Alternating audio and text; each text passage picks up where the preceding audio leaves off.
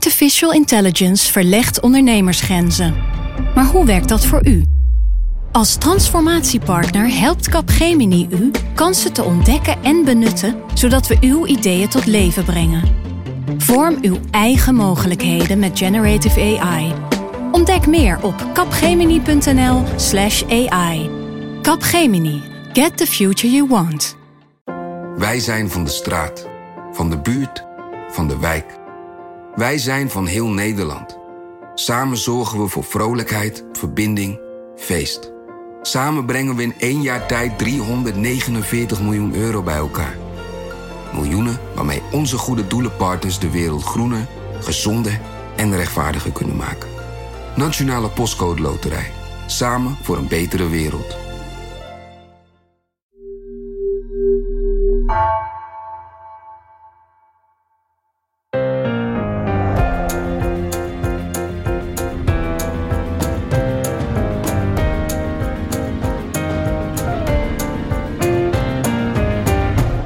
Dit is Haagse Zaken van NRC. Mijn naam is Lemia Aharwai.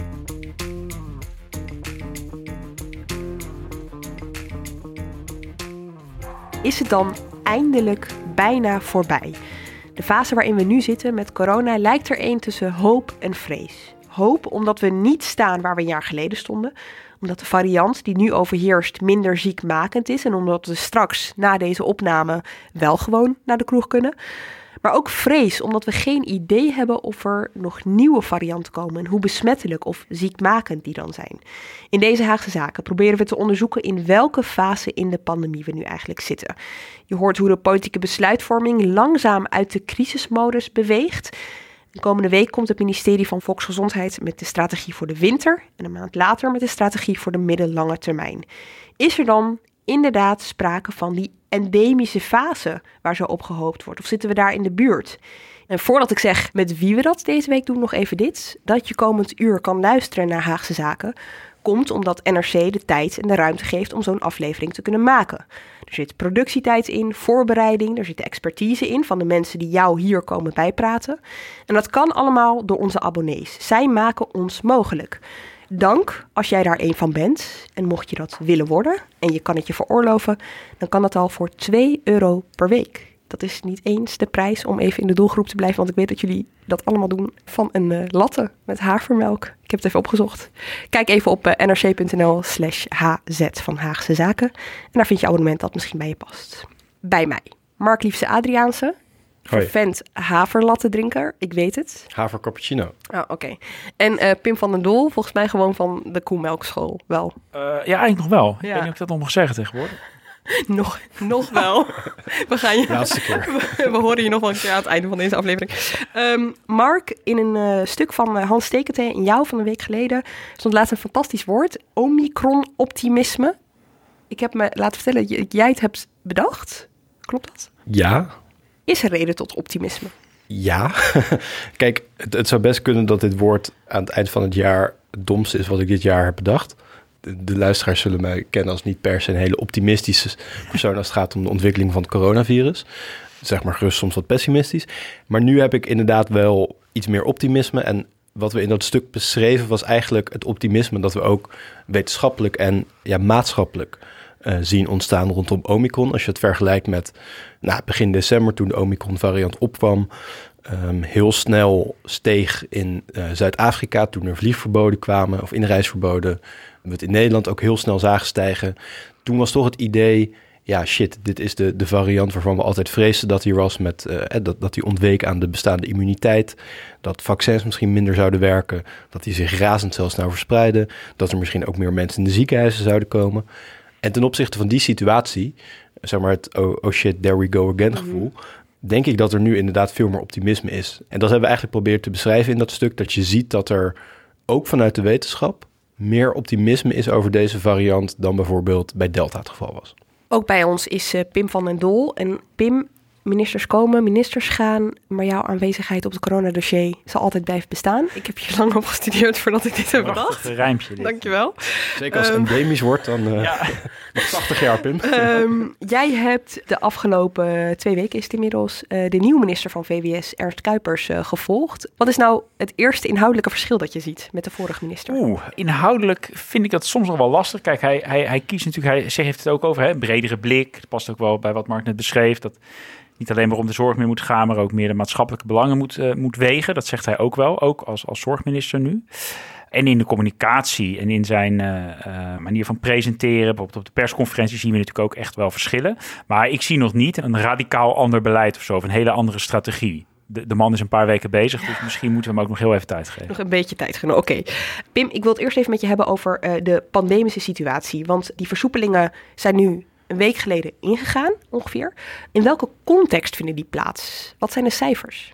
Ja, nou dan gaan we nu even naar het epidemiologisch beeld. Eh, normaal eh, eh, is dit de schone taak natuurlijk van collega Wouter van Loon, maar die, die is er nu niet bij. Dus ik dacht, ik neem het even op. Want het is nog wel in- vermeldenswaardig. Wouter is in. Ja, Wouter is in Denemarken. Uiteraard ook voor, om daar te kijken hoe ze daar omgaan met het coronavirus. Denemarken, wat het de hele crisis al wat, wat, wat soepeler aan lijkt te pakken dan Nederland. Dus we zijn heel benieuwd met welke verhalen hij, hij terugkomt.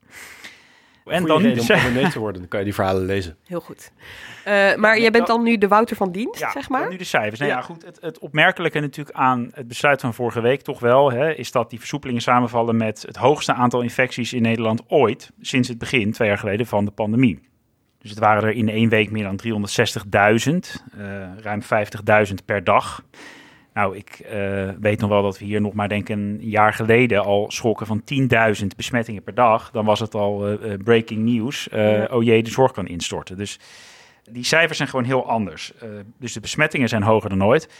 Wel is er een groot verschil met hè, de druk op de zorg. Die besmettingen, ook al zijn het er zoveel, geven voorlopig niet een gigantische druk op de zorg. Want de ziekenhuiscijfers zijn, zien er zeker in Nederland nu gewoon nog best wel gunstig uit.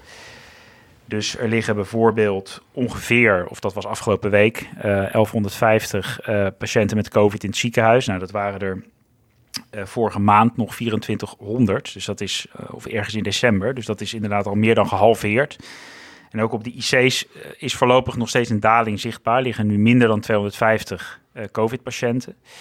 Je zegt voorlopig. Ja, omdat de verwachting wel is dat hè, de, eh, de grote aantallen besmettingen van de laatste paar weken alsnog zullen gaan leiden tot een nieuwe golf in de ziekenhuizen. En de, de stijging is afgelopen week ook al voorzichtig weer ingezet.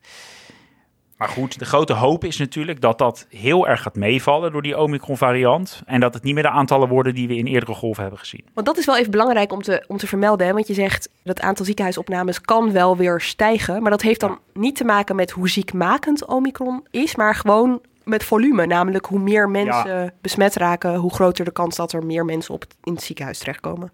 Precies, want ja, Van Dissel zei afgelopen week nog dat de kans om met Omicron in het ziekenhuis te belanden na zo'n infectie ligt wel tot 40 hè, procent, minimaal 40 procent lager dan bij de eerdere varianten. De vo- voorspelling is dat we misschien wel naar 100.000 besmettingen per dag gaan, of nog iets meer. De komende weken, ook door die versoepelingen. Ja, eh, als je zoveel besmettingen hebt, heb je toch ook weer natuurlijk relatief best nog wel wat ziekenhuisopnames. Maar ja, de grote hoop is dat het er Ja, en je zou kunnen zeggen dat Nederland nu dankzij de lockdown een lager basisniveau heeft om zeg maar die ziekenhuisgolf van Omicron eh, Ja. aan, te, aan te gaan, zeg maar. Dus als je kijkt naar andere landen, en Nederland, eh, nou is het ook hier eerder over gegaan, als een van de weinige Europese landen in een lockdown afgelopen winter of deze winter. En dat heeft gewoon geleid tot een daling van de, van de ziekenhuisbezetting. En in andere Europese landen zie je, bijvoorbeeld Denemarken, maar ook het Verenigd Koninkrijk, dat daar verhoudingsgewijs gewoon veel meer mensen in de ziekenhuizen liggen nu. En de bezetting ook gewoon hoger is. Omdat ze ja, geen lockdown hebben gehad. En dus niet de daling van de ziekenhuisbezetting hebben gehad. Die Nederland de afgelopen weken wel heeft gehad. Ja, en wat misschien ook wel aardig is om te vermelden, is Nederland heeft natuurlijk relatief laat geboosterd. En daar was heel veel kritiek op. Ik denk terecht en begrijpelijk. Maar we zouden er gek genoeg nu nog een klein voordeel van kunnen hebben. Want omdat de meeste mensen pas de afgelopen weken die prik hebben gehad, heeft dat denk ik ook een dempend effect nu op, de, juist nu op de ziekenhuisopnames. Ehm, Leg dat eens eh, uit. Nou, omdat eh, vooral de, wat je ziet bijvoorbeeld die besmettingen zitten nog steeds, ook al zijn het er zoveel, eh, vooral bij de eh, jongere groepen, eh, twintigers, dertigers van wie een deel ook de booster nog niet gehaald heeft. Omdat die jongeren natuurlijk denken, het is voor mij niet zo nodig. Maar nog relatief weinig 60-plussers zijn bijvoorbeeld besmet, ondanks deze hoge golf. En dat helpt natuurlijk bij het voorkomen van ziekenhuisopnames. Is het uh, slim om te denken, het is niet nodig omdat ik jong ben, zo'n booster? Ik kan me de gedachte ergens voorstellen in die zin dat jongeren denk ik nu vooral een afweging maken over de individuele gezondheidswinst die ze verwachten van een vaccin. Terwijl ze in de zomer meer een soort collectieve afweging maakten. Dus maatschappelijk, dit, moeten we, dit gaan we allemaal doen. Voor elkaar. Momentum rondom uh, de, de vaccinatiecampagne. En een soort van zelfsprekendheid dat je dus ook een prik ging halen. Tegelijkertijd ook de afweging, vaccin leidt tot bepaalde vrijheden als we allemaal gevaccineerd zijn straks, kunnen we allemaal weer ons oude leven oppakken. Nou, die afweging is denk ik een beetje door de opkomst van Delta, vervolgens de Omicron, uh, anders geworden. En tegelijkertijd is uh, denk ik de komende tijd ook de vraag, ja, welke gezondheidswinst verwacht je dan precies van een vaccin? Dan maakt het uit of het vaccin goed beschermt tegen besmetting. Om dan, dan kun je inderdaad zeggen, nou, ik verwacht voor mezelf misschien niet heel veel gezondheidswinst van of ik nou wel of niet corona krijg. Ik ben jong, bla bla bla. Maar ik bescherm ook mijn ouders mee. Nou, dus dan wordt de relevante vraag: hoe lang is echt de bescherming van een vaccin tegen besmetting? Die lijkt iets af te nemen, maar het beschermt wel tot op zekere hoogte. Dus ja, dan kan ik me ook wel voorstellen dat je het wel voor je ouders of je grootouders doet. Ik denk overigens wel dat veel jongeren misschien binnenkort nog uh, staan te kijken als hun corona-toegangsbewijs niet meer geldig is zonder de booster. Want dat, hè, die, die verplichting heeft het kabinet er natuurlijk al wel aangehangen. Dus jij, dat zou zomaar jongere mensen toch nog weer kunnen bewegen om alsnog de booster te halen. Dan kun je wel afvragen of dat nog om het juiste hè, uh, argument is. Uh, is of het dat geen vaccinatiedrang is. Maar goed, dat is wel iets wat ook nog speelt. Inreisbeperkingen in Europa, ja. waar een derde prik op een gegeven moment verplicht voor gaat worden. Maar goed, dat, je zegt inderdaad, dat is een andere afweging die je dan maakt dan puur een, een medische. En uh, inderdaad ook niet meer vanuit de gedachte van dan bescherm ik anderen om me heen. Maar ja. meer ik wil dit en dit kunnen ja. doen. Oké, okay. eventjes hè, want uh, Pim, jij legde net al uit dat die lockdown ergens goed voor is geweest. Namelijk uh, het aantal ziekenhuisopnames ligt laag. Wat betekent dat, dat de afgelopen tijd voor die uitgestelde zorg? Wordt daar al wat meer ingehaald? Ja, dat gaat de goede kant op. Er is echt meer ruimte in ziekenhuizen om weer reguliere operaties op te starten. Ik was nog wel de update van de afgelopen week het aantal geopende operatiekamers lag nog wel een kwart lager. Dus dat betekent wel dat we nog niet terug zijn natuurlijk op het niveau van voor uh, de lockdown en al die maatregelen.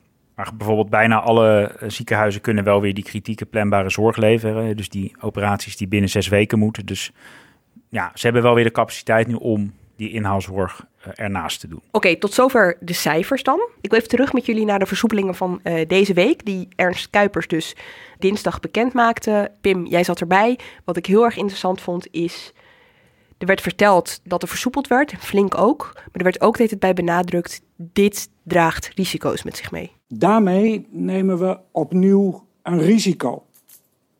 Maar dat doen we met een goede reden nog langer met veel beperkende maatregelen leven, beschadigt onze gezondheid en onze samenleving. Viel me op dat dit echt wel een paar keer heel nadrukkelijk gezegd werd. Het kan echt gaan om duizenden mensen weer in de ziekenhuizen. Nou, dan kun je het net aan. Eh, maar het is niet zo dat het risicoloos is. En we gaan zelfs een stap verder nu dan het OMT. We nemen een spannende stap. We zouden hem niet nemen als we dachten dat het niet verantwoord was. Maar hij is spannend. En er is altijd een beperkt risico dat hij toch te veel uh, tot te veel ziekenhuisopnames bijvoorbeeld of andere problemen leidt, dat je dan weer zou moeten aanschrijven. Ik uh, ga ervan uit dat het niet nodig is, maar we noemen het toch ook even in de kleine lettertjes uh, van de bijsluiter, dat er wel een beperkt risico is dat je mogelijk weer een verzwaring zou moeten. Dus we gaan echt een stapje verder. Um, en daarmee loop je zelfs het risico dat je over een paar weken zegt, oei, het is toch te veel, we moeten weer een stapje terug.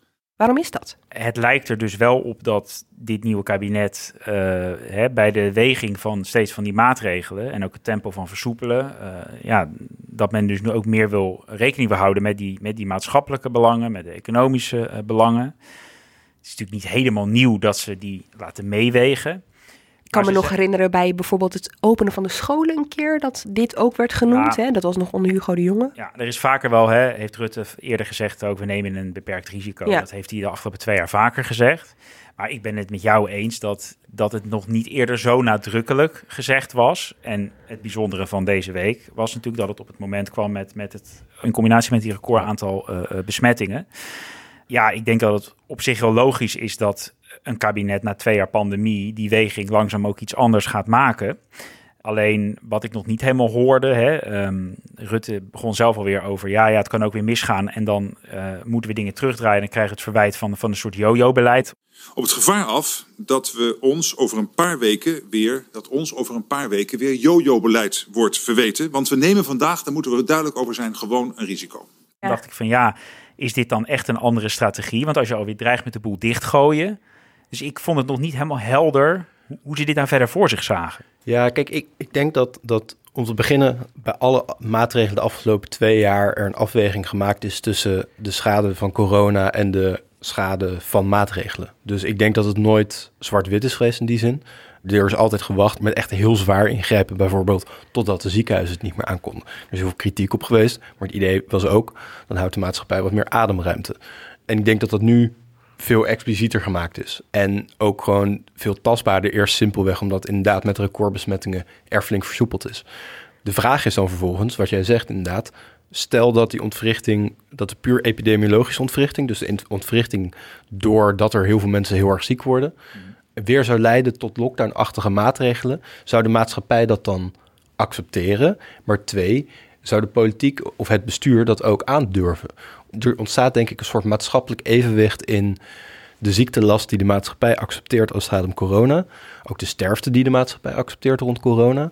Tegenover ja, de maatschappelijke vrijheden die, die, die we hebben. En ik denk dat dat veel explicieter de komende tijd uh, zal blijken. Je ziet het nu bijvoorbeeld in Engeland. Het is een land waar heel veel naar gekeken wordt. Alle maatregelen afgeschaft. Maar ook heel veel zieken. Elke dag een paar honderd doden. Tienduizenden mensen in de ziekenhuizen.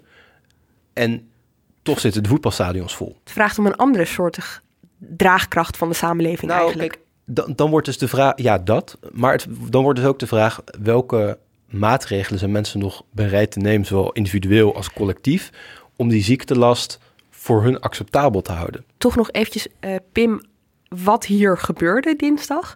Ik vraag me nog wel af, uh, toen Kuipers begon als minister, een van zijn eerste kernboodschappen die hij overal bleef herhalen was: we moeten kijken naar meer modellen dan alleen maar naar die van het RIVM. Is dit dan de uitkomst ervan? Dus zeg maar een weging van meer dan alleen maar ja, het ziektebeeld? Ja, dat denk ik wel. Ja, hij, hij zei toen dat het kabinet ook breder ook andere modellen wilde gaan bekijken. Ik weet niet hoor of ze daar heel expliciet uh, nu al andere modellen bij gebruikt hebben ik herinner me ook van de, de, eerste persconferentie. Het liet hij als minister van Zorg een grafiek zien over de mentale gezondheid van jongeren. Daarmee maakte hij wel duidelijk van we, we kijken nu ook naar dit soort gegevens inderdaad, naar andere cijfers om, om die weging beter te maken. Het is wel, het is wel makkelijk hè, als je het eigenlijk de besluiten helemaal kunt modelleren. Uh, omdat je dan geen ethische afweging hoeft te maken. Dus als je alles kunt modelleren, alles op cijfers kunt doen, dan krijg je een soort van het idee, ja, het, het ethische maakt niet meer uit. Als het dan het antwoord is inderdaad, we kijken naar meer of een bredere wetenschappelijke blik. Ja, oké. Maar uiteindelijk is het nog steeds wel aan de politiek om die ethische weging te maken. En ethiek is niet altijd in cijfers te vangen. Dus hmm. zeker als het gaat om eh, bijvoorbeeld de maatschappelijke schade. Ja, hoe kwantificeer je dat? Is dat puur het aantal mensen dat zich met psychische klachten meldt? Is dat het aantal faillissementen? Of is het ook ja, een, een meer waardegedreven ethische afweging die je er maakt? Wat wel vat, te vatten in cijfers is uh, de grafiekjes die uh, Kuipers deze week uh, meenam. die zagen we achter hem. Dat was meteen een soort stelverschil in, in communicatie, hè Pim? Ja, hè, ik zei het al, je ziet bij Ernst Kuipers vooral aan de vorm dat hij wel de dingen anders wil aanpakken. Dus op de persconferenties hè, wil hij meer met beelden gaan werken. Beeldtaal, grafieken, plaatjes, pictogrammen, dat soort dingen. Um, is dat echt zijn eigen idee geweest? Was wel echt zijn eigen idee. Ik begreep uh, dat hij daar ook op had aangedrongen dat dat meteen toen in, in, zijn eerste week op die eerste persconferentie dat dat al uh, uh, ja, gereed zou zijn. Dat hij dat zou kunnen doen met dat computerscherm naast hem. Hij hoopt daarmee dat hij de boodschap en de communicatie richting de bevolking kan verbeteren. En dat hij het duidelijker en helderder kan uitleggen. Maar toen kwam deze week. Maar ja, je, uh, je, ziet ook dat het gebruik van grafieken en plaatjes uh, tegen je kan werken als je uh, ja, gegevens presenteert die misschien niet helemaal klopten. En daarmee kwam Kuipers eigenlijk meteen een klein beetje in de, in de problemen. Als je gevaccineerd bent, ben je minder vatbaar voor het virus. En dat ziet u op dit plaatje. Links in beeld ziet u de vaccinatiegraad onder alle 18-plussers. Van hen is een groot deel gevaccineerd en heeft ook een boost gehad. U ziet ze in het groen. Het gaat om 56% van de 18-plussers. In de ziekenhuizen is het beeld totaal anders. Totaal anders. En dat ziet u op het rechterplaatje. Misschien wel leuk om hierbij even te vertellen, is dat ik een paar weken geleden een profiel van Kuipers schreef met uh, mijn collega Lisa van Lonkhuizen. Er hebben natuurlijk veel mensen over hem gesproken die hem goed kennen. En nou ja, toen werd hij echt uh, neergezet ook als een cijferman. Uh, hè, dat hij bij het Erasmus MC soms zijn eigen grafieken zat te maken met spreadsheets. Dat hij daar heel erg nou ja, van houdt.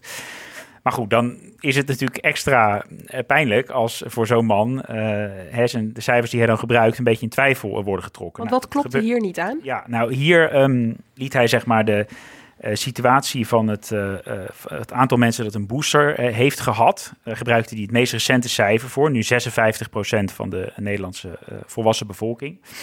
Vergeleken hij met het aantal mensen dat met een booster nu in het ziekenhuis was gekomen. Maar daar gebruikte hij eigenlijk niet helemaal alleen de laatste gegevens, maar zeg maar het percentage van begin december tot half januari. En dat is een vrij brede periode. En waarom geeft dat nu een vertekend beeld?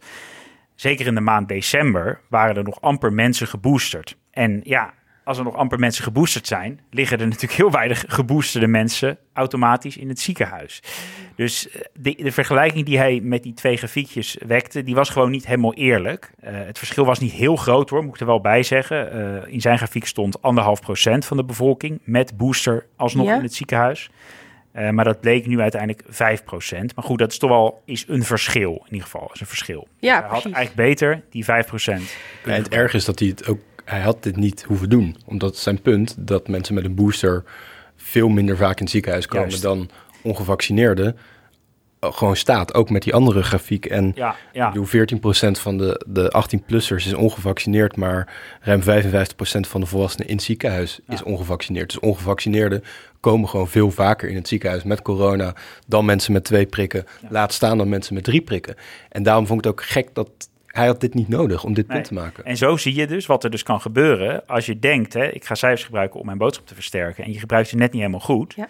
dan heeft het eigenlijk precies het averechtse effect. Want de discussie ging dus over de zogenaamd verkeerde cijfers van Kuipers, die inderdaad niet helemaal klopten, maar inderdaad zijn punt hij had gewoon nog steeds inhoudelijk. Het punt was, had hij gelijk. Had hij, eh, maar dat kwam nu denk ik minder goed over. Het gebeurde twee keer in één persconferentie. Ja. Hè? Want het gebeurde ook bij het aanhalen van iets wat politiek ook nog eens en maatschappelijk ook nog eens heel erg gevoelig ligt, namelijk 2G. Klopt. Op een gegeven moment kreeg eh, Kuipers de vraag of hij uh, door wil met het coronatoegangsbewijs. En of dat nou nog wel zo effectief is. Nou, toen verwees hij naar een rapport van de TU Delft, wat vorige week verschenen is, ook in opdracht van het ministerie. En toen gebruikte hij het volgende percentage. En wat ze berekenen in verschillende situaties is dat dat wel een 15% dempend effect kan hebben.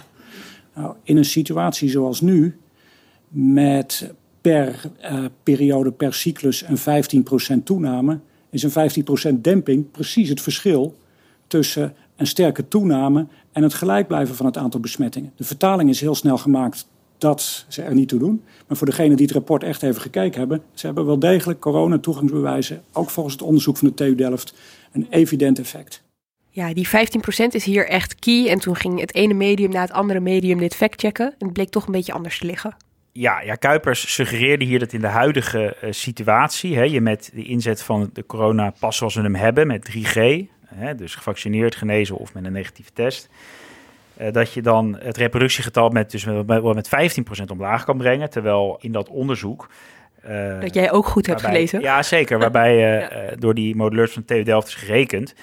was bijvoorbeeld de voorwaarde dat 3G dan op zoveel mogelijk plekken, eigenlijk alleen niet op school en in de thuissituatie, zou worden ingezet in de samenleving. Nou, dat is natuurlijk in Nederland geen sprake van. Want er is nog een wetsvoorstel niet behandeld dat het op de werkvloer eventueel kan invoeren. Nou, dat uh, was een groot effect in het onderzoek. Dat geldt nu niet. Uh, ja. Het geldt alleen maar op de locaties hè, die we nu al kennen, zoals horeca, sportscholen.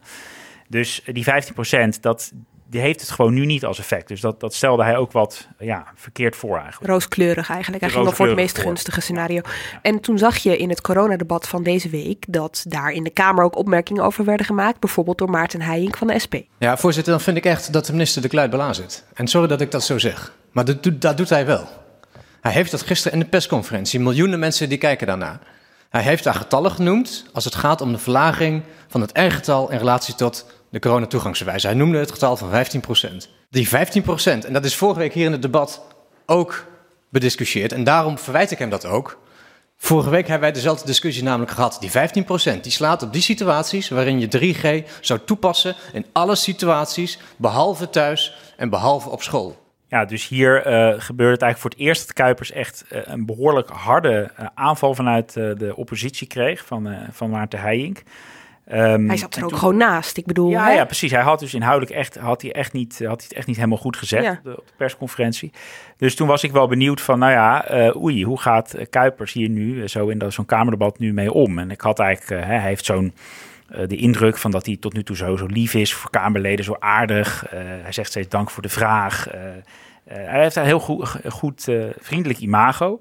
Maar ehm, ja, het viel me op dat hij helemaal niet zo nederig reageerde en er eigenlijk uh, vol tegen inging in zijn antwoord. Voorzitter, ik heb exact gezegd wat ik heb gezegd en dat kan ik nog een keer herhalen. Ik heb gezegd tot 15 procent. En ja, dat is afhankelijk van de mate waarin je het inzet.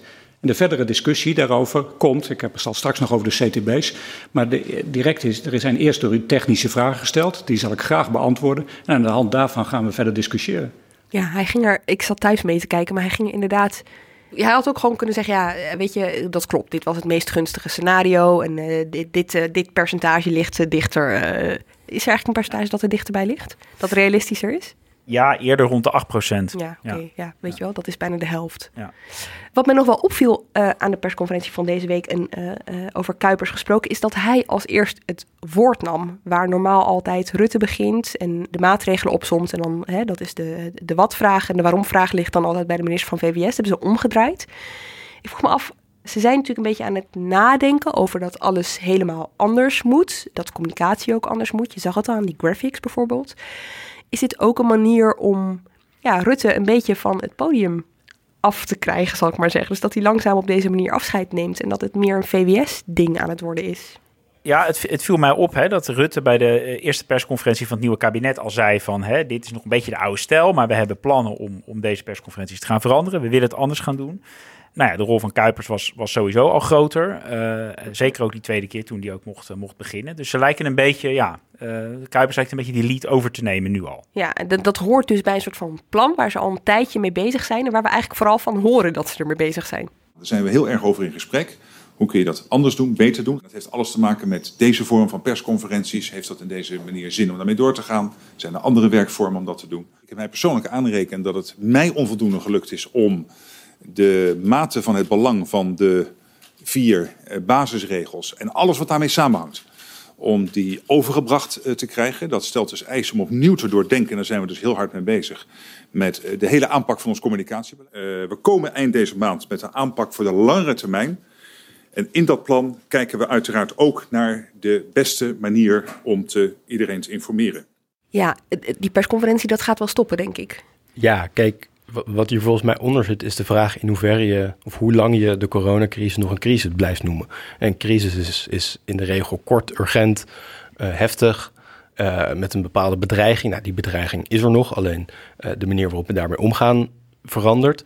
En ja, als je iets heel lang een crisis blijft noemen, neemt het gevoel van urgentie natuurlijk ook af. En zo'n persconferentie is ooit bedoeld om met een zekere urgentie het Nederland toe te spreken en te informeren over de maatregelen als je inderdaad toe wil naar een, een iets relaxtere omgang met het virus, dan past daar misschien ook bij dat je uh, de communicatie en de besluitvorming uit ja, het, het urgente, heftige, crisisachtige uh, trekt. Bijvoorbeeld door de minister-president er niet meer over te laten communiceren, maar dat het echt een VWS-dingetje wordt. Dingetje, ja. Nou ja.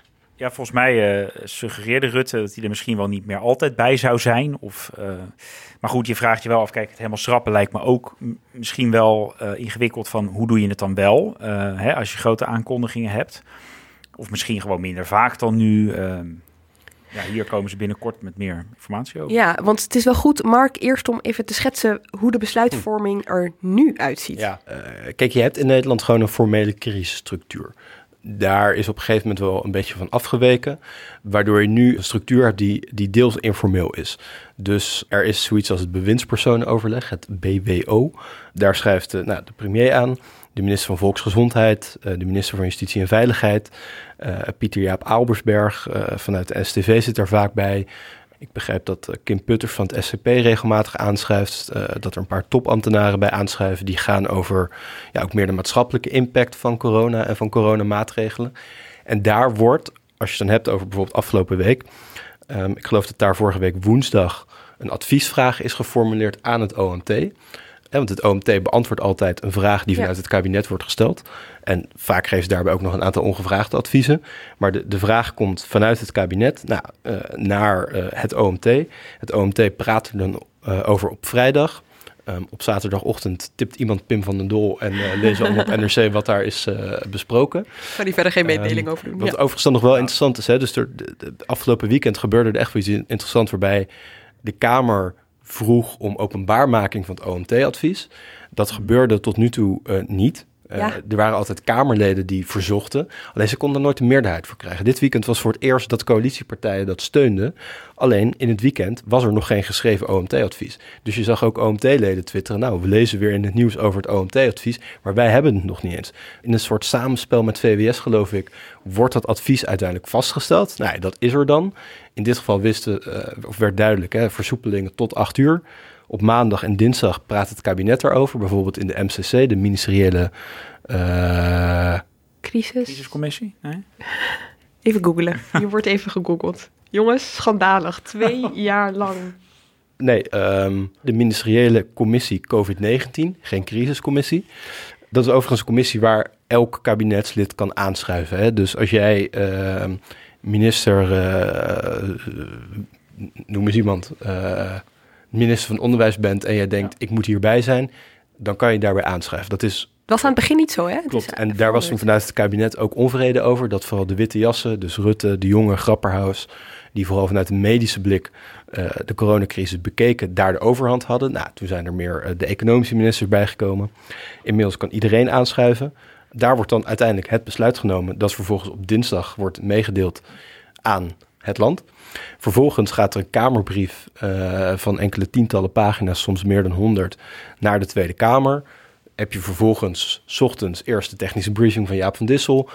Even een half uurtje pauze en dan het Kamerdebat. En precies eigenlijk op deze volgorde is best veel kritiek ook vanuit de Kamer. Omdat zij vinden, ja, wij krijgen dus uh, s'avonds laat het OMT-advies, de Kamerbrief, allerlei rapporten en evaluaties. hebben heel weinig tijd om ons voor te bereiden. En, ja, want hoe weinig tijd? Want je hebt met Lisa Westerveld Ja, ik heb bijvoorbeeld met Lisa Westerveld gesproken, een GroenLinks-Kamerlid. En ik dacht, ik vind het wel interessant om gewoon één casus echt ja. te zien. Dus ik heb toen alle pagina's opgeteld die zij in de nacht van 14 op 15 december kreeg. 14 december was een uh, persconferentie waarbij de avondlockdown werd verlengd. Een paar dagen later werd overigens echt een harde lockdown ingevoerd. Dus het was een soort tussenfase. Maar goed, dinsdagavond persconferentie.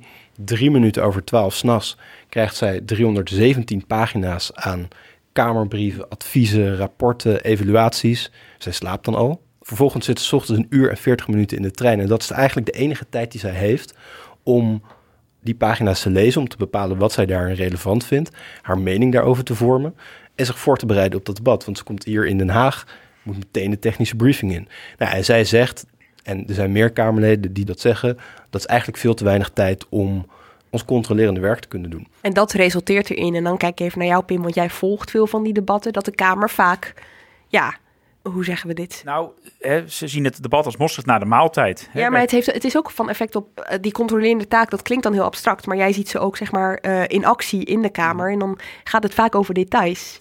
Inderdaad, ik bedoelde ook met mosterd na de maaltijd van dat niet meer de mogelijkheid om het beleid dan nog vergaand bij te sturen. Omdat het eigenlijk al een ja, voldongen feit is. Hè? Afgelopen week was het ook interessant. Toen um, begon het Kamerdebat, een paar uur nadat al die versoepelingen al van kracht waren. Je kon al een uh, koffietje drinken horeca, op het terras. Precies, horeca was alweer open. Jij zat ook op het terras, toch? Ja, precies. ja, wacht, het café debat. Nee, het, ja, maar het, het, is inderdaad een goed punt. En ik, Westerveld, maar ook bijvoorbeeld Kees van der Staaij die ik sprak, die zei, als het in, het, in de persconferentie is uh, aangekondigd, dan is het als Kamer heel moeilijk om dat bij te sturen. Want op, inderdaad, op het moment dat je praat over versoepelingen of verzwaringen, dan zijn die in de regel al ingegaan. Ja. Dus daardoor voelen Kamerleden waarschijnlijk ook minder ruimte om echt... Iets substantieels te veranderen en Precies. veranderen ze iets aan de ja, huidige dus maatregelen. De winkels op Schiphol moeten meer. dicht, ja. de avondklok een half uurtje later, dat soort dingen. Kijk, die volgorde is relevant, hè, omdat uh, in zekere zin kan je zeggen dat het kabinet de afgelopen twee jaar op hele grote maatregelen ze kon nemen door de Kamer voor een voldongen feit te stellen. En dat is zeker wanneer het om zulke ingrijpende maatregelen gaat, kan je afvragen of dat democratisch gezond is. En als het gaat vervolgens om het meer uit de crisis weer trekken, dan zou het interessant kunnen zijn, en daar heeft de Kamer afgelopen week ook een motie over aangenomen, om de Kamer eerst te laten praten over maatregelen voordat ze ingaan. Nou, dat is een fantastische wens. Uh, als dat zou lukken, dan is het allemaal uh, democratisch misschien iets zuiverder. Tegelijkertijd, dit is precies waar de coronawet deels ook over ging. De coronawet, tijdelijke wet maatregelen COVID-19, twee jaar geleden, hebben we ook mooie podcasts over gemaakt. Daar wilde de Tweede Kamer meer macht in krijgen. Dus zij vonden in die coronawet, dat moet niet een soort van uh, dictaat worden vanuit het kabinet. De Kamer moet macht hebben. Dus daar is een amendement aangenomen waarin de Kamer uitsprak dat zij in principe voorhang wilde. Wat betekent dat de Tweede Kamer eerst gehoord wordt voordat maatregelen ingaan. En alleen bij hele hoge uitzondering nahang. Wat betekent dat maatregelen vanwege de snel oplopende cijfers, er moet nu ingegrepen worden, alleen achteraf erover debatteert en stemt. In de praktijk is het altijd nahang. Dus je kan de wens uitspreken, we willen het uit de crisis weer trekken. Maar uiteindelijk gaat het om gedrag. Het gaat ook om een houding bij het kabinet. Wanneer ze de ruimte wel hebben om eerst de Kamer te horen en dan pas de maatregelen te nemen. Maar het gaat dus ook om een Tweede Kamer die misschien op een gegeven moment een streep trekt. En misschien zou je kunnen zeggen, hebben ze dat deze week gedaan? Eerst met het OMT-advies en vervolgens met die Kamermotie. Om meer, ja, of om assertiever te worden. Ja, want dat OMT-advies, voor het eerst, was het er voor de persconferentie. Ja, ik denk dat jij ook een klein sprongetje Hier zijn bergen verzet. Nou, ja. Nee, goed, en, en dat had in dit geval ook zin. Uh, het heeft natuurlijk altijd zin, want dan kan je het al lezen en dan kan je bedenken wat, wat valt er aan op. Maar hè, het kabinet ging nu ook verder dan bijvoorbeeld het OMT uh, eh, had geadviseerd. Nou ja, eh, daar konden nu wel betere, denk ik, scherpere vragen over worden gesteld, omdat we dat advies al gewoon volledig hadden uh, kunnen lezen. Ja. Ja, het was heel raar. En als je die, die persconferentie, en ik denk dat Lemia daar heel terecht elke keer vragen over stelde. Je had dan een persconferentie waarin gesproken werd over wat het OMT had geadviseerd. En eigenlijk moest je dat maar gewoon aannemen. Precies, ja. En regelmatig bleek ook dat vervolgens het kabinet afweek van het OMT. Jo, dan werd er gesproken over kleine verschilletjes, weet je wel. En dan ging je later lezen en dan bleek dat toch best substantieel te zijn. En dan moet je, ja, dat beeld dat wordt wel, weet je, er kijken 6, 7 miljoen mensen naar die persconferentie. En echt wel minder mensen naar het debat erna of naar de verslaggeving erna, weet je, als dat OMT als Ja, dus het, die houding van het kabinet depolitiseert het ook. Hè? Dus ze zeggen dan, wij baseren ons puur op de, de, de kennis en de experts van het OMT. En dat geeft dan een soort van wetenschappelijke legitimiteit aan de maatregelen. Maar wacht even, dus dat OMT-advies dat is er nu uh, voor het eerst gepresenteerd, dus al voor de persconferentie. Maar dat Kamerdebat was nog steeds wel gewoon na die persconferentie. Gaat daar iets veranderen ook? Nou ja, de, is de motie die Mark net noemde, dus de, de wens om te kijken of dat uh, debat ook voor de definitieve besluitvorming uh, kan worden gepland. Ik sprak van de week nog even inderdaad ook met Maarten Heijn van de SP. Die zei, ja, dan kan het kabinet bijvoorbeeld al hè, een voorgenomen besluit aan de Kamer sturen. Dat vinden we dan niet erg. Hè, en met het OMT-advies, dan gaan we erover praten. En dan, dan wordt het pas definitief. En misschien zelfs dan pas inderdaad die, die, die persconferentie. Ja, kijk, als uh, de crisis ook nu in, misschien wel in een iets rustiger vaarwater komt, of als ze over een paar weken dat besluit moeten gaan nemen over verdergaande versoepelingen bijvoorbeeld, ja, dat heeft misschien niet zoveel haast hè, dat je dat uh, hals over kop moet beslissen. Dan kan die volgorde misschien wel, wel werken. Is het zo, Mark, dat die volgorde samenhangt met de endemische situatie? Dus dat dat inleveren op democratie, om het even heel zwart-wit te mm. zeggen, één op één te maken heeft met uh, de endemische situatie? Of is dat ook een beetje een gelegenheidsargument geweest? Eigenlijk denk ik dat laatste ook wel. Als je kijkt, ook de momenten dat het kabinet wel de tijd had om bijvoorbeeld Eerste Kamer te horen, is er toch eigenlijk altijd besloten om dat pas achteraf te doen. Dus ik denk bijvoorbeeld aan nou, maatregelen die in de zomer werden genomen. Of versoepelingen of verzwaringen, waarbij eh, toch al heel vaak een week al wel een beetje gesproken werd van ja, moet er nou verzwaard gaan worden? En je dan de, de cyclus kreeg waarbij de, uh, in de persconferentie werd aangekondigd wat er verzwaard zou worden.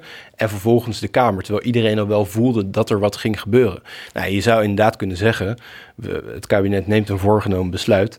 En omdat het niet super urgent is, laten we eerst de Kamer nog even aan het woord.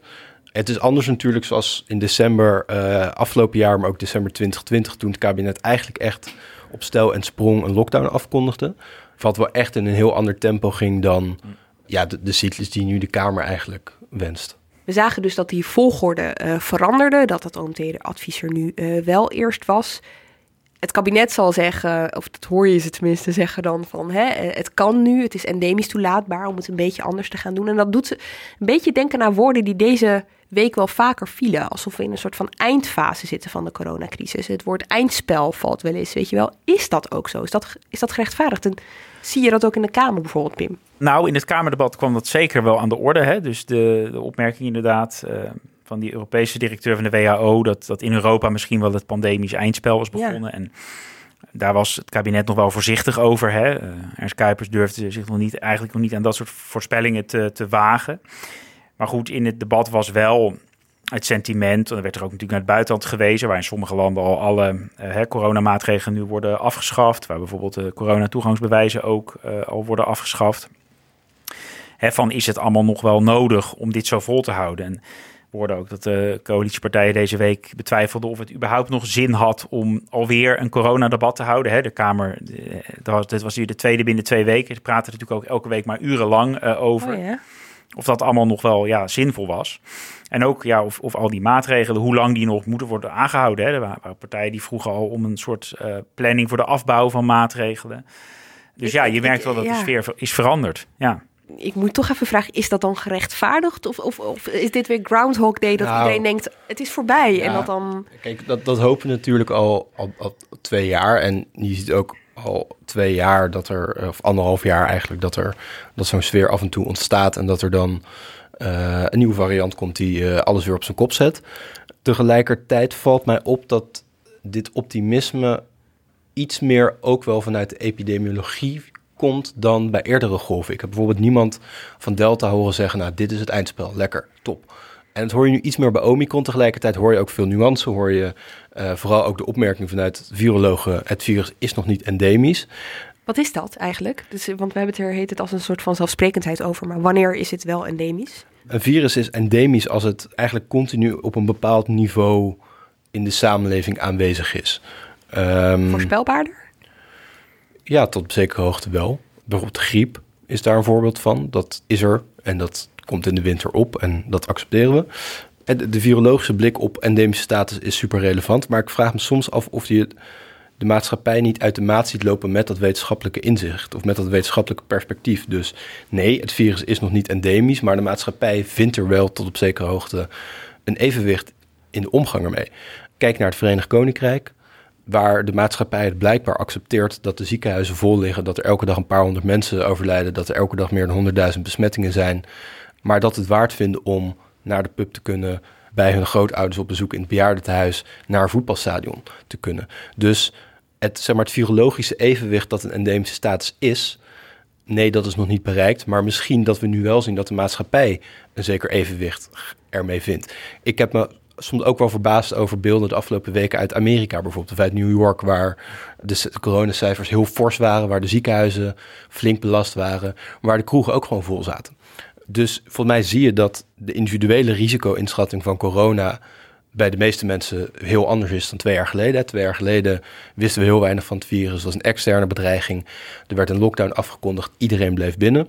En met elke lockdown die sindsdien uh, ingevoerd werd, zag je dat mensen zich er iets minder aan hielden. En dat komt volgens mij ook omdat mensen ja, meer een individuele risico-inschatting maken. Verwacht ik dat het virus mij heel erg ziek maakt? Nou, als je gevaccineerd bent, is die kans gewoon veel kleiner geworden. Omicron maakt die kans verder kleiner.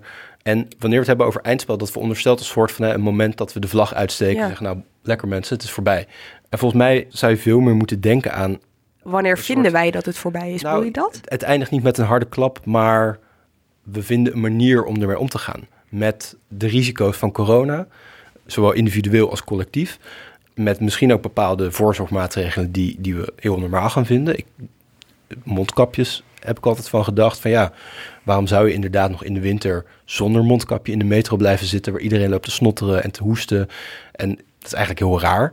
Dus misschien zijn dat dingen waar, waarmee de samenleving een soort maatschappelijk evenwicht vindt. Tegelijkertijd is het natuurlijk wel. Uh, jij, zei net ook bijvoorbeeld aan het begin behopen dat het endemisch wordt. Maar dat veronderstelt ook wel een bepaalde mildheid. En ook endemisch kan gewoon ontwrichtend zijn wanneer er wordt gezegd, ja, dit, dit wordt een van de ziektes in het winterpakket, naast de griep, ja, bedenk dan wel dat griep elk jaar 10.000 levens kost ongeveer. Dat de ziekenhuizen vol liggen. Dat doordat de ziekenhuizen vol liggen met grieppatiënten er operaties worden uitgesteld. En daar zou corona dan nog bovenop komen. Nou, die twee bij elkaar, zijn heel veel mensen die overlijden. Het zijn hele volle ziekenhuizen. Dus dat is alsnog best ontwrichtend, zeg maar. Ik, ik zie ook wat Mark zegt van de wens om heel anders mee om te gaan. Die, die snap ik wel, die hoor ik nu overal. Van hè, de, de aanpak moet na twee jaar echt veranderen. Maar ik, ik vind het ook nog heel weinig concreet. Het kabinet komt dan binnenkort hè, met, met verschillende lange termijnplannen. Maar wat we dan echt anders gaan doen. Hè? Want als er weer gedreigd wordt met het herinvoeren van die lockdown-maatregelen als het misgaat, dan, dan, dan blijf je een beetje in diezelfde eh, patronen uh, zitten. Hè, ik ben ook benieuwd, gaat de politiek uh, keuzes maken welke maatregelen we nog wel en niet acceptabel vinden? Hè? Um, je zou ook als politiek kunnen zeggen, de scholen gaan we gewoon nooit meer sluiten. De schade is te groot geweest. Ja. De Tweede Kamer heeft aangedrongen op een uitzondering voor sport onlangs, om sport niet meer te sluiten om het virus te bestrijden. Wat ik een hele interessante vond. Want inderdaad, dan redeneer je breder vanuit gezondheid. Sporten is juist ook goed tegen het, hè, de, de ernstige gevolgen van het virus. Mensen bijvoorbeeld met overgewicht, die komen op de IC. Tot nu toe uh, laat het kabinet uh, en de Kamer, omdat ze dat ook niet veranderen, eigenlijk al die maatregelen nu nog steeds weer boven de markt hangen. We hebben in het verleden en ook in het recente verleden situaties gehad waarbij het aantal besmettingen in, op een hoog niveau zit en een verdubbelingstempo heeft van een week. En als dat gebeurt, dan kunnen er momenten zijn waarbij je opnieuw, hoe vervelend ook, gedwongen zou zijn, gezamenlijk, om een besluit te nemen om daar een interventie op te plegen die heel breed gaat. Dat kan ook de stort raken. Waardoor je dus ook uiteindelijk niet echt keuzes maakt. Niet echt keuzes maakt van hoe je het, hoe je het ook anders kan doen. Oké, okay, maar hier gebeurt iets interessants. Want Pim, jij hebt het eigenlijk over de soort van politieke besluitvorming richting mm -hmm. iets dat permanent bij ons is, of eigenlijk en hoe je daar politiek mee omgaat, terwijl jij, Mark, het veel meer hebt over de maatschappij die daarin leidend is, die zelf eigenlijk afweging moet gaan maken van wat, of misschien gaat dat wel heel natuurlijk, maar wat pikken wij nog? Nou, wat, het feit dat wij hier zitten met z'n drieën, betekent dat onze individuele en onze collectieve risico-inschatting anders is dan een jaar geleden. Een jaar geleden hadden wij met deze besmettingscijfers thuis gezeten, hadden we het via Zoom gedaan. Ja. Uh, hebben we ook een aantal keer gedaan. Maar het feit dat wij hier zitten, betekent dat wij onze eigen kans op ernstige ziekte dermate laag inschatten, dat wij hier toch met elkaar zitten. Uh, en volgens mij zie je dat op allerlei vlakken gebeuren, waarbij mensen tot op zekere hoogte accepteren dat er een risico bijgekomen is. Namelijk het risico op corona oplopen. En de ontwrichting die dat kan hebben op op allerlei manieren. Maar ik ben dus zo geïnteresseerd in wat is dan leidend? Is dat zeg maar de maatschappij die dan op een gegeven moment zegt: dit pikken wij niet meer? Weet je, uh, in een vorm van hè, uh, mm -hmm. als er straks weer toch verzwaringen nodig zijn, dat uh, meer mensen de straat op gaan of I don't know. Maar dus ja. dat dat vanuit de maatschappelijke kant komt, of dat er politiek een soort lijn getrokken wordt van weet je, er wordt, we hebben het daar aan het begin van deze aflevering over gehad, steeds vaker gezegd en steeds nadrukkelijker gezegd: dit is het risico dat wij nemen. Ja, als dat iets. Ja, nou, ik, ik denk dat, dat politiek wordt. natuurlijk uiteindelijk ook kijkt naar uh, de maatschappelijke realiteit. En dat die maatschappelijke en politieke realiteit misschien de komende tijd wel uit de pas kan gaan lopen met de wetenschappelijke adviezen. Waarbij dus de politiek en de maatschappij andere inschattingen maken van de risico's en van het evenwicht dat ze zoeken dan een puur virologische. Dit is, gaat er allemaal nog wel ook vanuit dat we uh, dat Omicron uh, dominant blijft. We hebben een heel ander gesprek als je een variant krijgt met de besmettelijkheid van Omicron en de ziekmakendheid van Delta, waardoor veel meer mensen veel zieker worden. Dus er zijn ook nog in de zoektocht naar dat evenwicht allerlei onzekerheden over nou, ook de duur van immuniteit. Hè? Is dit een immuniteit tegen ernstige ziekte na infectie bijvoorbeeld die een aantal jaar aanhoudt, nou, ga je dan cycli krijgen met elke paar jaar. Of mensen die, net als bij griep, ja, op een gegeven moment ziek worden en het jaar erop wordt iemand anders in je omgeving wat zieker. Dat weten we allemaal nog niet. Er is echt nog heel veel onduidelijkheid hierover. En ik moet soms denken aan Rutte, die bij een van de persconferenties zei: we moeten met 50% van de kennis 100% van de besluiten nemen. Twee jaar geleden zei hij dat. Nou, ik, ik, denk dat het toen 5% was en nu misschien 50%. En we weten niet wat er in de toekomst erover kan gebeuren. En er zijn allerlei ideeën. Er zijn ook virologen die nu zeggen, of epidemiologen, nou, het is een soort uh, blessing dat Omicron relatief mild en heel besmettelijk is, omdat dat heel veel mensen besmet raken. Die bouwen relatief zonder veel schade hopelijk immuniteit op. En dat maakt hem weerbaarder Voor in het geval variant. dat er een variant komt Ja. die zowel besmettelijker als ziekmakender is. Maar dat zijn allemaal vragen, daar weten we het antwoord nog helemaal niet op.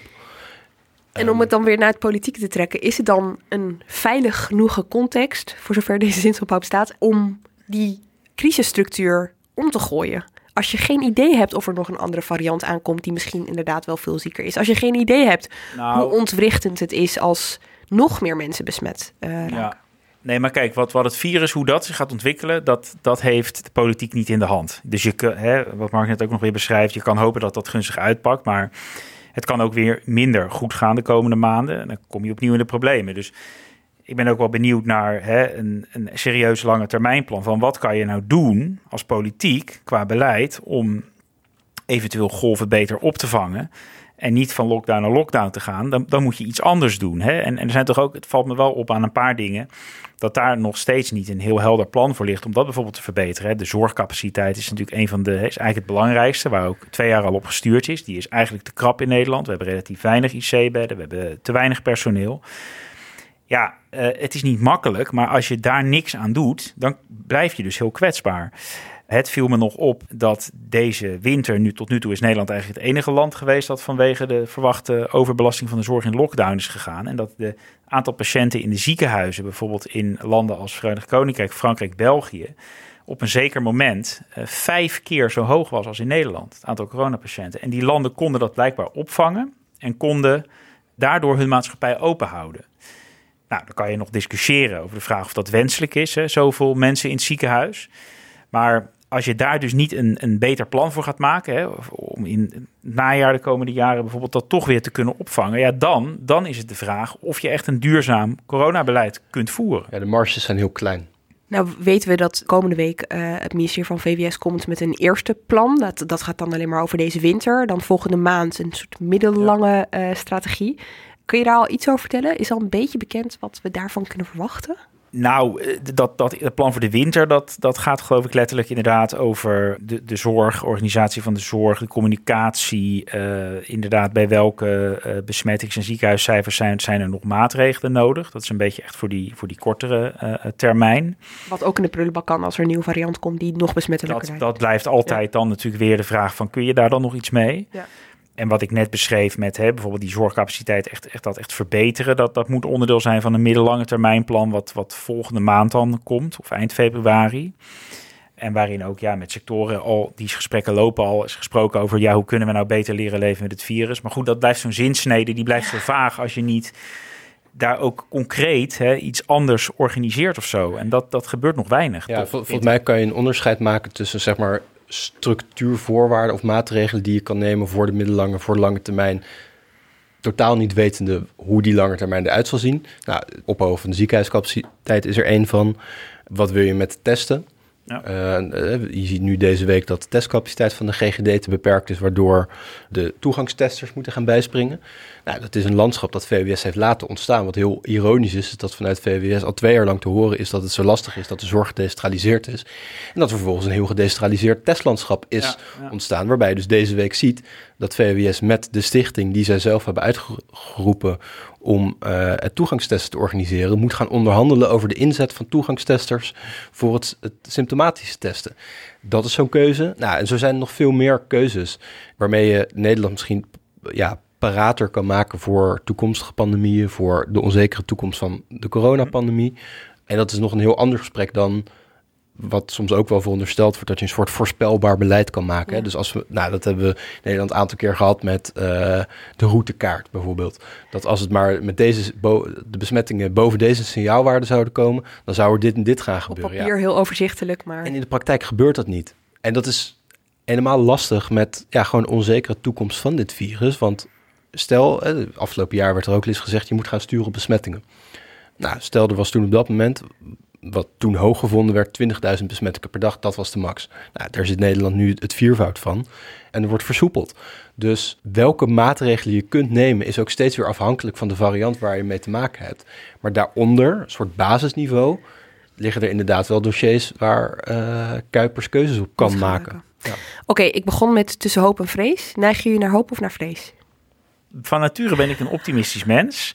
Maar ik durf niet meer eh, te voorspellen dat we nu het ergste hebben gehad. Dat heb ik eh, vorig jaar eh, zomer hier gedaan aan deze tafel. Staat me nog zeer helder bij. Toen ja. heb ik voorspeld dat het toch onwaarschijnlijk was dat Nederland in het najaar nog in de problemen zou komen door het coronavirus. Nou, ik denk niet dat je er heel veel erger naast kunt zitten. Siertje dat je dat weer haalt.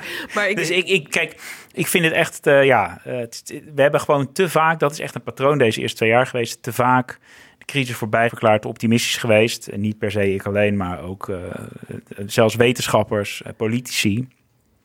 Dus we moeten ons volgens mij niet rijk rekenen. dus jij, eh, jij, Maar jij we hopen dat het beter wordt. Mark? Kom nu maar met een stelligheid na deze woorden. Nou, ik ben heel vaak heel pessimistisch geweest over het verloop van de pandemie. Maar de laatste maand wat optimistischer. En dat is niet een soort van eindfase of zo, maar wel dat, dat ik denk, nou ja, je ziet de maatschappij er een evenwicht in vinden. En dat is ook al wat, zeg maar. Het is allemaal anders dan we twee jaar geleden dachten met op een gegeven moment gaat de vlag uit. Maar langzaam zie je een soort van manier van leven ermee ontstaan. Dus dit virus heeft in ieder geval iets voor elkaar gekregen. Mark Liefste Adriaas is een stuk optimistischer geworden. Dankjewel. En Pim van der Dol, jij ook bedankt. Dank ook voor het luisteren. Redactie en productie van deze aflevering waren in handen van Iris Verhulstonk. Montage door Pieter Bakker. Wil je nou meer weten over wat die Omicron-variant betekent voor de maatschappij... en over dat eindspel waar we al dan niet in zitten... luister dan ook naar de afleveringen over corona van Onbehaarde Apen. En vandaag, we zetten de links voor je in de show notes... geldt ook voor alle stukken waar we het over hebben gehad... waar we naar verwezen hebben. Tot volgende week.